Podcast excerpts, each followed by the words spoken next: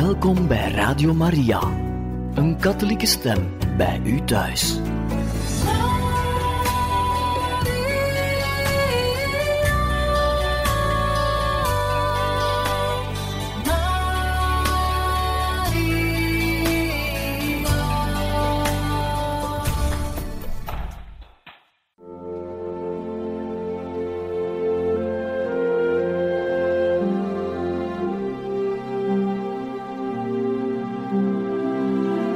Beste luisteraars van Radio Maria, welkom bij het programma Catechismus. Een overweging bij de geloofschat van de kerk.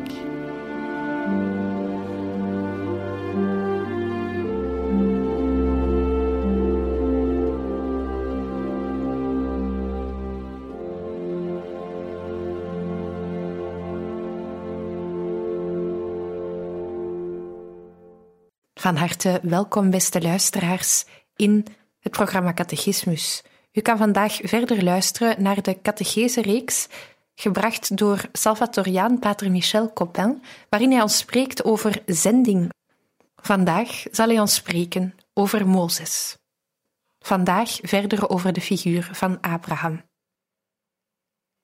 Beste luisteraars, in de reeks waar wij ons willen bezinnen naar de Bijbelse uitgangspunten of fundamenten over onze zending als christen zijn, wil ik vandaag onze inleiding starten met een gebed geschreven door Frère Roger van Thésée, Roger Schutz, de prior van Thésée, zoals ik zei. Jezus, onze vrede door uw evangelie roept u ons op eenvoudig te zijn en nederig. U doet in ons opbloeien een oneindige dankbaarheid, omdat u steeds aanwezig bent in onze harten. Amen. Beste luisteraars, we willen het vandaag hebben over het verhaal, het roeping- en zendingsverhaal van Mozes. We kennen allemaal het levensverhaal van Mozes. Hij werd geboren als een Joodse bandeling in Egypte. Het Joodse volk was daar terechtgekomen door Jozef, de zoon van Jacob, en had zich daar vermenigvuldigd, maar ze hadden een zwaar juk te dragen, juist omdat ze Jood waren werden ze als slaven gebruikt voor de grote bouwwerken van de farao. Het is in die context dat Mozes geboren wordt. Men heeft schrik, de farao heeft schrik, dat de Joodse populatie veel te groot wordt, zich uitbreidt en een bedreiging zou kunnen vormen voor het Egyptische volk. En men is de farao wil de jonge Israëlieten eigenlijk uitroeien.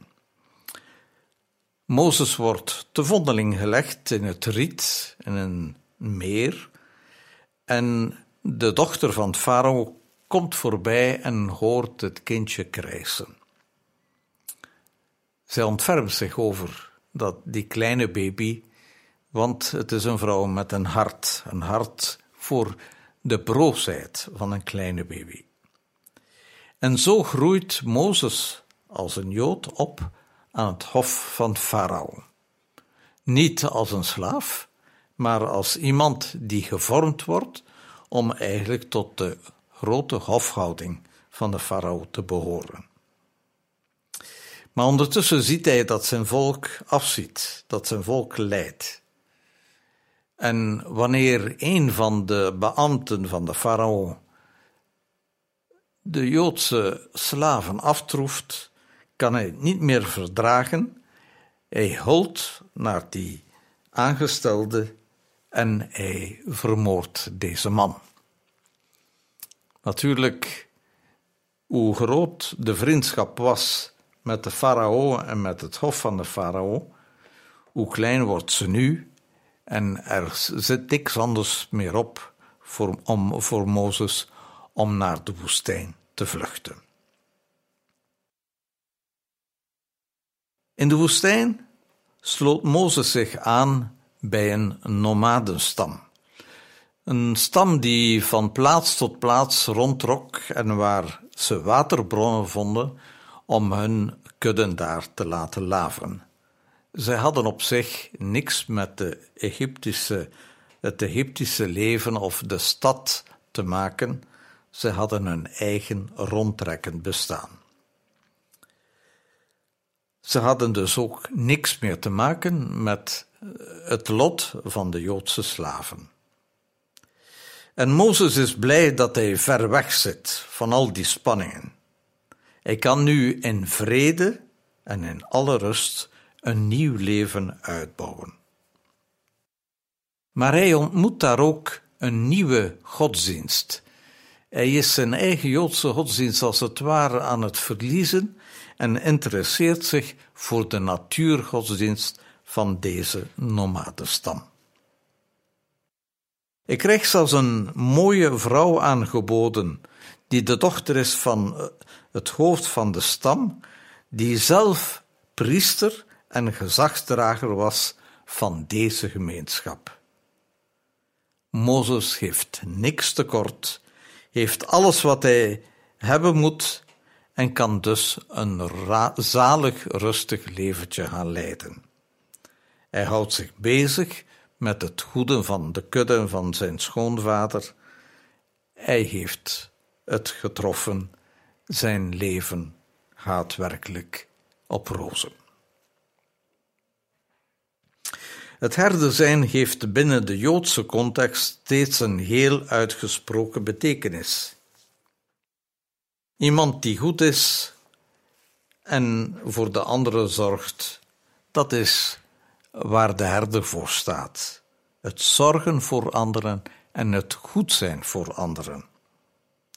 Dieren voelen zich geborgen en veilig bij zo'n herder, veilig tegen de moeilijkheden van stropers, van ravijnen, van wilde dieren.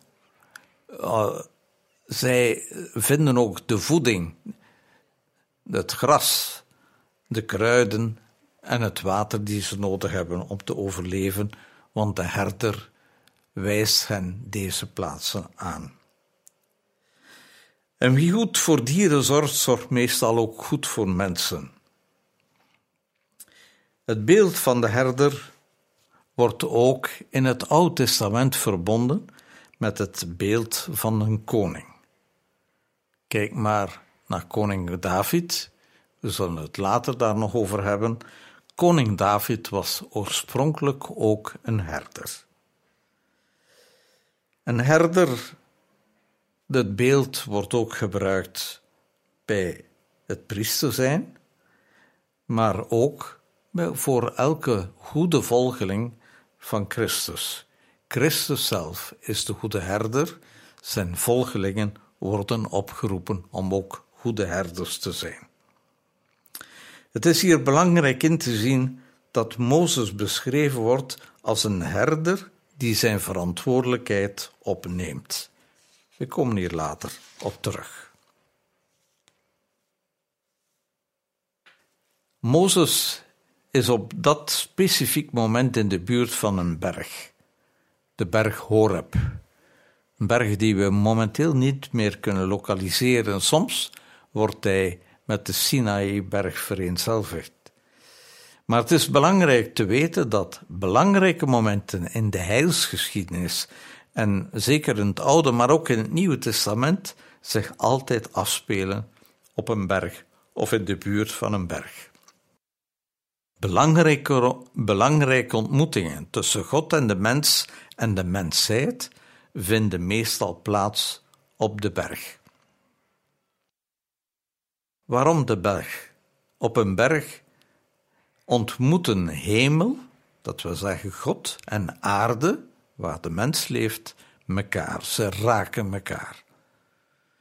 Het is het transcendente, datgene dat boven de mens en de schepping uitstijgt, die eigenlijk in contact komt met de mens en de mens met hem. Denken we bijvoorbeeld aan het geven en ontvangen van de tien geboden. Gebeurt op de Sinaiberg. We denken ook aan de bergreden met de zaligsprekingen, eigenlijk de geboden of van Jezus voor ons christenen. Maar de berg is ook de plaats van de transfiguratie, waar Mozes en Elias, de grote bevrijder, de grote profeet, Jezus ontmoeten en Jezus in diezelfde heilsgeschiedenis plaatsen van de heilsgeschiedenis van God met de mens en waar de, de beste vrienden van Jezus, zijn leerlingen, eigenlijk deze openbaring krijgen en Jezus zien als een voortzetting, als een conclusie van de heilsgeschiedenis van God met de mens. Maar het is ook de bergheuvel waar Jezus sterft. Jezus sterft op de Golgotha-heuvel. Het is ook de Tempelberg voor de Joden, waar ook de Al-Aqsa-moskee is van de islam, het centrum of belangrijke centrum van de godsverering voor Joden en Islamieten en ook voor ons christenen. Het is ook de plaats waar de broodvermenigvuldiging plaats heeft.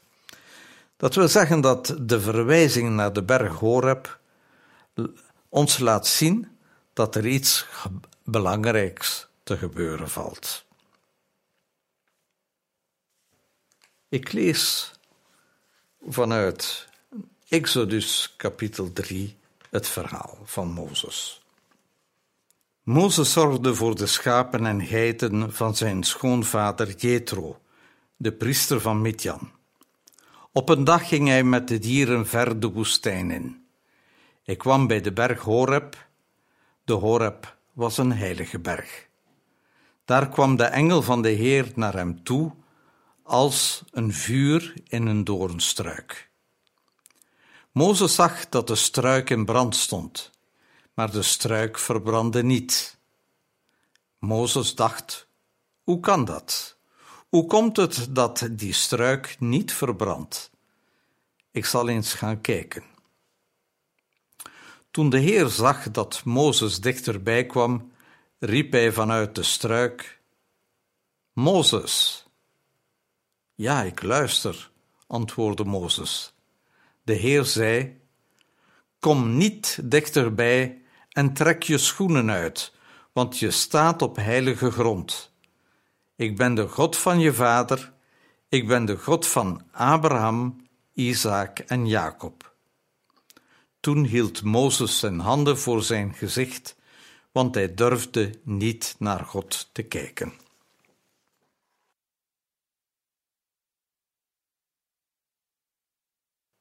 Het verhaal laat zien dat het dagdagelijkse werk doorbroken wordt. Een engel van de Heer verschijnt aan Mozes.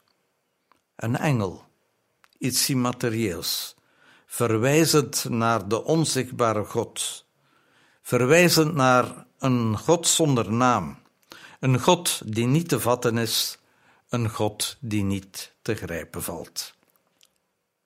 De engel verwijst of is een verwijzing naar de geest van de Heer. Een diepe stem in ons binnen die vraagt om beluisterd te worden. Het gaat om een struik die een lichter laaier staat. Het gaat om vuur. En vuur heeft de mens steeds gefascineerd. Ik heb de kans om vele kindjes te mogen dopen. En dat is steeds een, een aangrijpend moment wanneer de papa de doopkaars aansteekt aan de paaskaars en dan terug naast de dopeling gaat zitten. En dan moet je die ogen zien fonkelen en kijken van de dopeling die eigenlijk in vervoering geraakt voor dat vlammetje dat vlammetje dat licht brengt en warmte. Vuur is ook het beeld van Gods aanwezigheid. Het geeft licht, het geeft warmte en wordt ook zo ervaren. Maar ook dat beeld verwijst naar de afstand tussen God en de mens. De mens kan en mag zich niet met God vereenzelvigen. Wie zich met God, dus met eh, licht en warmte, met het vuur gaat vereenzelvigen, verbrandt zijn vingers. Het gaat hier om een brandende doornstruik. Dorens zijn geplaatst als de tanden van een slang, naar achteren gericht. Wie zich met geweld probeert terug te trekken uit deze doornstruik, komt alleen vaster te zitten. Een mooi beeld om uit te drukken. Wie eens gegrepen wordt door de liefde en het bestaan van God, komt er niet meer uit los. Brandend, een brandende doorstruik met brandend onder aanhalingsteken. Omdat de struik wel brandt, maar niet verschroeit. Ondertussen weten we vanuit de wetenschap dat het gaat over een soort struik die in de, in de woestijn bestaat met kleine bobbeltjes die een vluchtige olieachtige stof afscheiden. En wanneer er een felle zon komt opsteken, kunnen deze kleine bobbeltjes ontvlammen zonder dat ze daarom de plant verschroeien of laten wegkwijnen. Maar Mozes kende deze wetenschap niet. Hij staat voor een onverklaarbaar raadsel. Een struik die brandt, maar niet verbrandt. Hij is bezorgd dat zijn kudden niet in moeilijkheden zullen geraken en gaat het fenomeen onderzoeken. En hij ontdekt in het onverklaarbare een niet nader te noemen kracht. Die kracht kan alleen een goddelijke kracht zijn. Die kracht kan alleen een kracht zijn waar God zich manifesteert.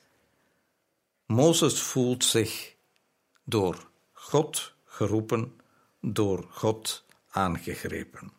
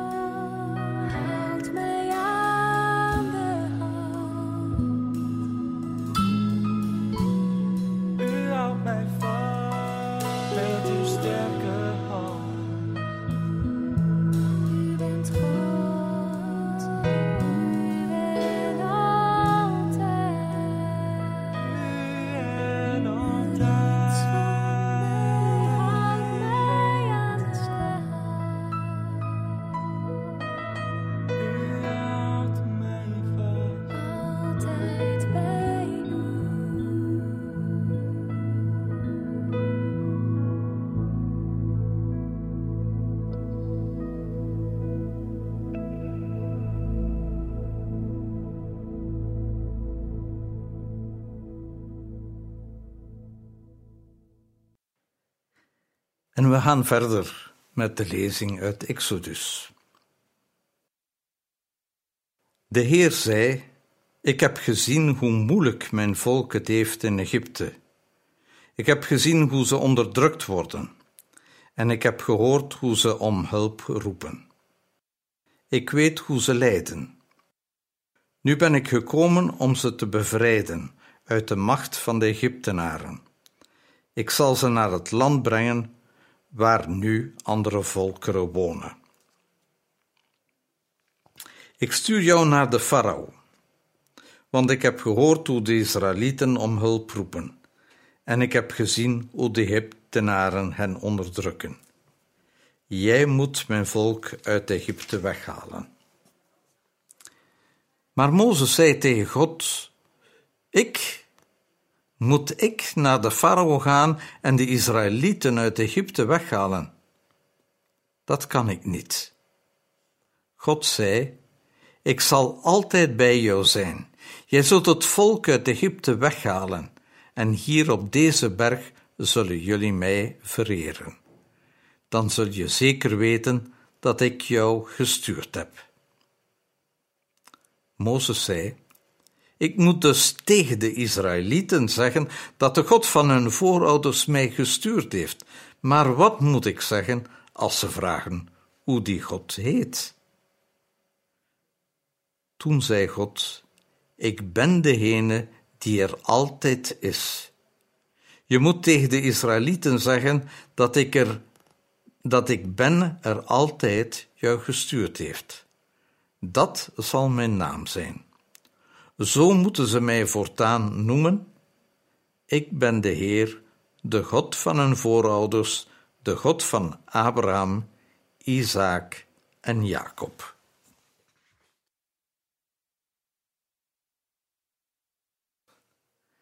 Het gaat over het zien van de ellende van zijn volk.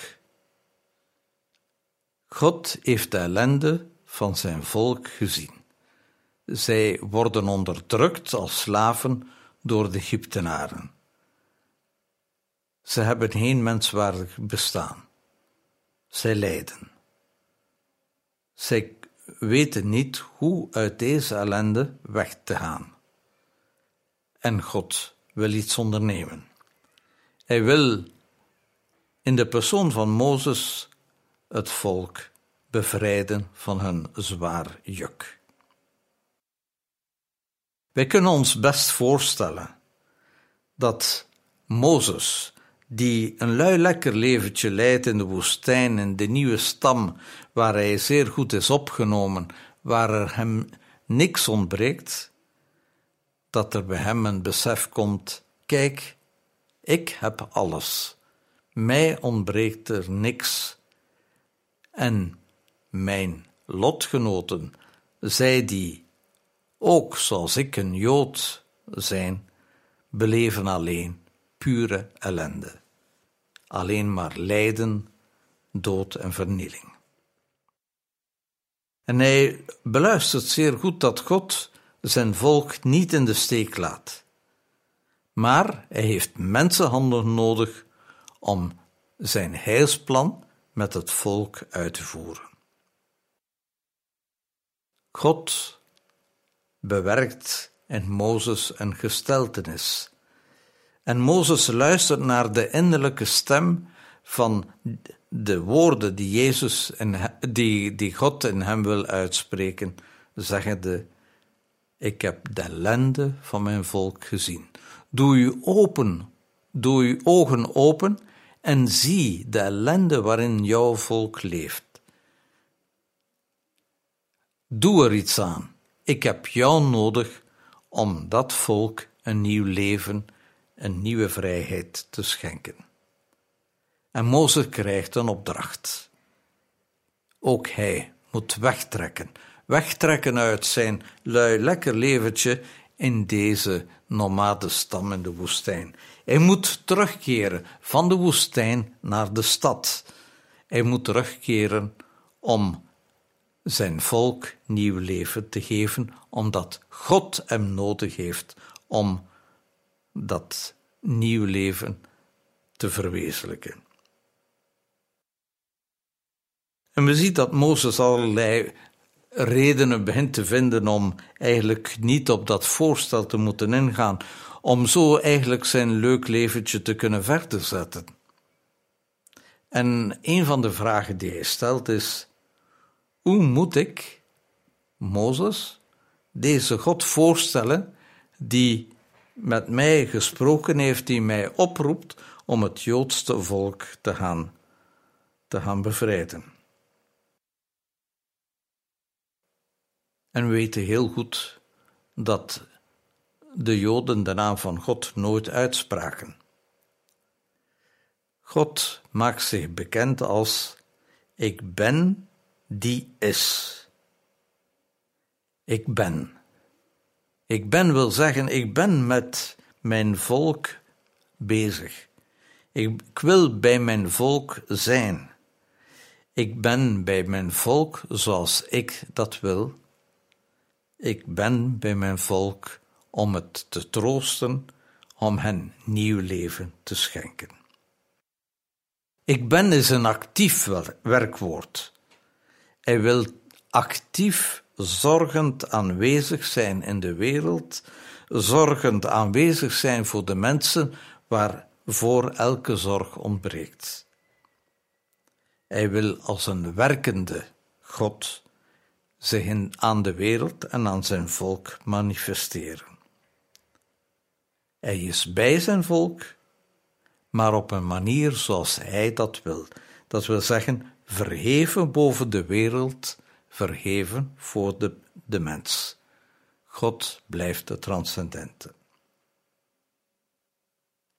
En we zien dat er bij Mozes een gebrek is aan geloof in die opdracht, dat er een gebrek is aan verantwoordelijkheidszin en vooral dat er een vrees is voor het onbekende dat op hem toekomt. Mozes heeft schrik.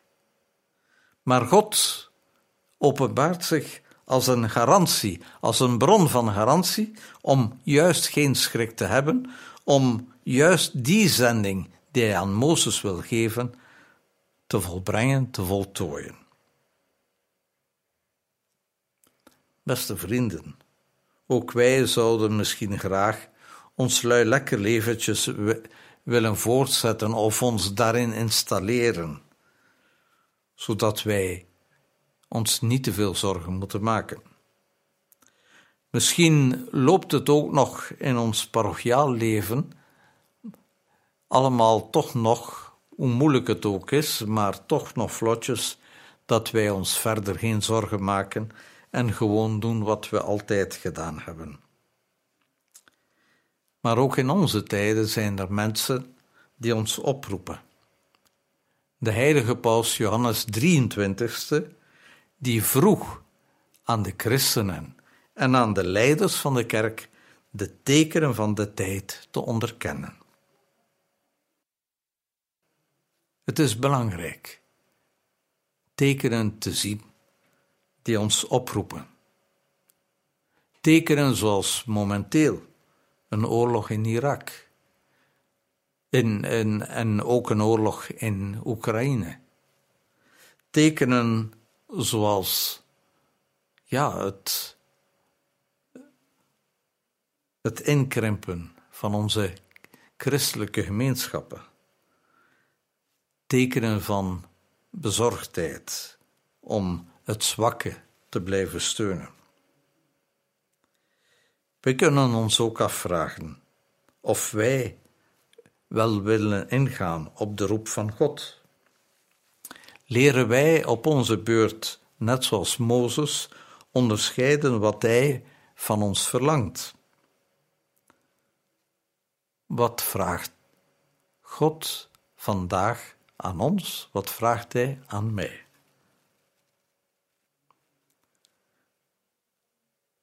Misschien moeten we aandacht hebben om de volgende tekenen leven te geven. Mensen helpen hun ogen naar God te richten, want wij kunnen niet alles zelf. Het is niet ik die alles moet realiseren, maar een samen, een wij. Wij als gemeenschap samen met een God die ons wil leiden. Tekenen van mensen die waarbij wij onze aandacht richten naar andere mensen en in het bijzonder aan zij die uitgesloten worden, zij die geen kansen krijgen in onze samenleving, armen, vreemdelingen, zieken, oudjes. Een teken van een oproep om mensen te leren gemeenschap te vormen. Een groeien van ik naar wij, van zelfontplooiing naar solidair zijn. Bij Abraham zagen wij dat God Abraham opriep zijn land te verlaten. Om naar een beloofde land te, gaan dat God zou aanwijzen. Bij Mozes komt er een nieuwe dimensie bij. Wij zien dat hij opgeroepen wordt om zijn leuk leventje in de woestijn op te zeggen, om eigenlijk in het onbekende een grote opdracht te volbrengen, instrument te zijn van de liefde van God voor zijn verdrukte volk.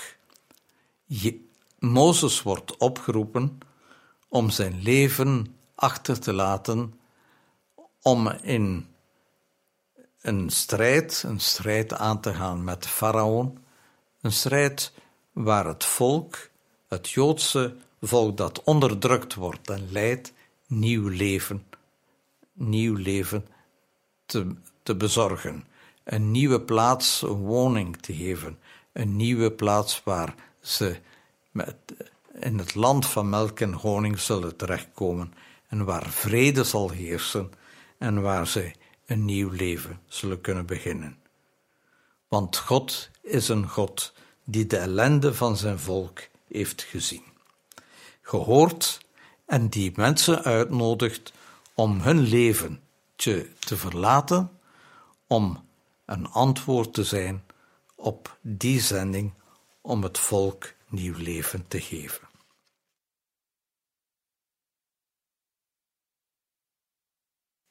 Wij willen de Heer danken en wij willen afsluiten met een gebed voor deze zending die Hij aan ons gegeven heeft. Wij doen dat met een gebed van Guido Gezelle. Gij op een berg alleen, en Jezus, ik ken vind er geen waar ik hoog genoeg kan klimmen om u alleen te vinden. De wereld wil mij achterna, al waar ik ga of sta, of ooit mijn ogen sla. En arm als ik, en is er geen, geen een, die nood hebben en niet klagen kan, die honger en niet vragen kan, die pijnen en niet wagen kan.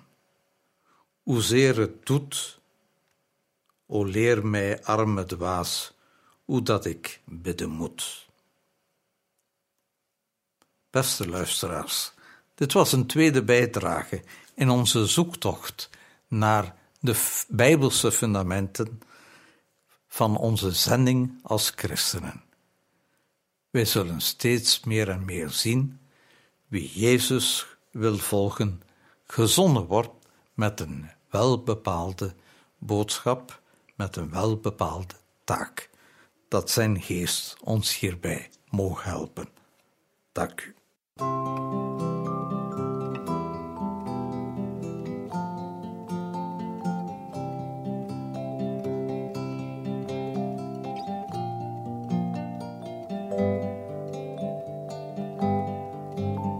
De geest des Heeren is op mij, zijn woord is op mijn tong. Hij is een heerser over volken. Hij is als het morgenlicht bij het opgaan van de zon. Hij is als een morgen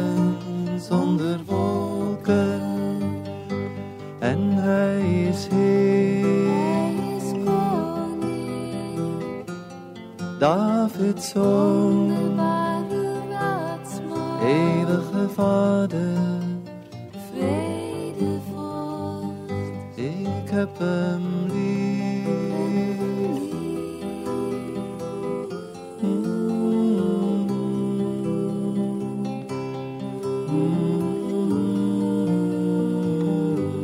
nog veel heb ik je te zeggen, maar je kunt het nu niet dragen. Maar wanneer hij komt, de geest der waarheid, zal hij je de weg wijzen tot de volle waarheid. Want hij zal niet uit zichzelf spreken, maar al wat hij hoort zal hij spreken. En de toekomst zal hij je verkondigen.